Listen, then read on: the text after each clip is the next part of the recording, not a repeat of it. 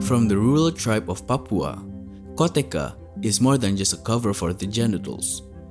It is also a part of their identity even to this day.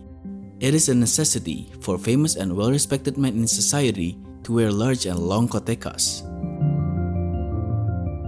Among the Baliem people, the shape of koteka indicates the social class of its wearer. Influential people wear certain kotekas in society. The clan leader wears koteka with a forward curved tip. Meanwhile, the middle class wears koteka with the tip curved sideways, such as generals, shamans, or tribal leaders. As for commoners, they wear a straight shaped koteka. Sometimes, the tip of koteka is decorated with feathers of birds or wild chickens as an attempt to attract women.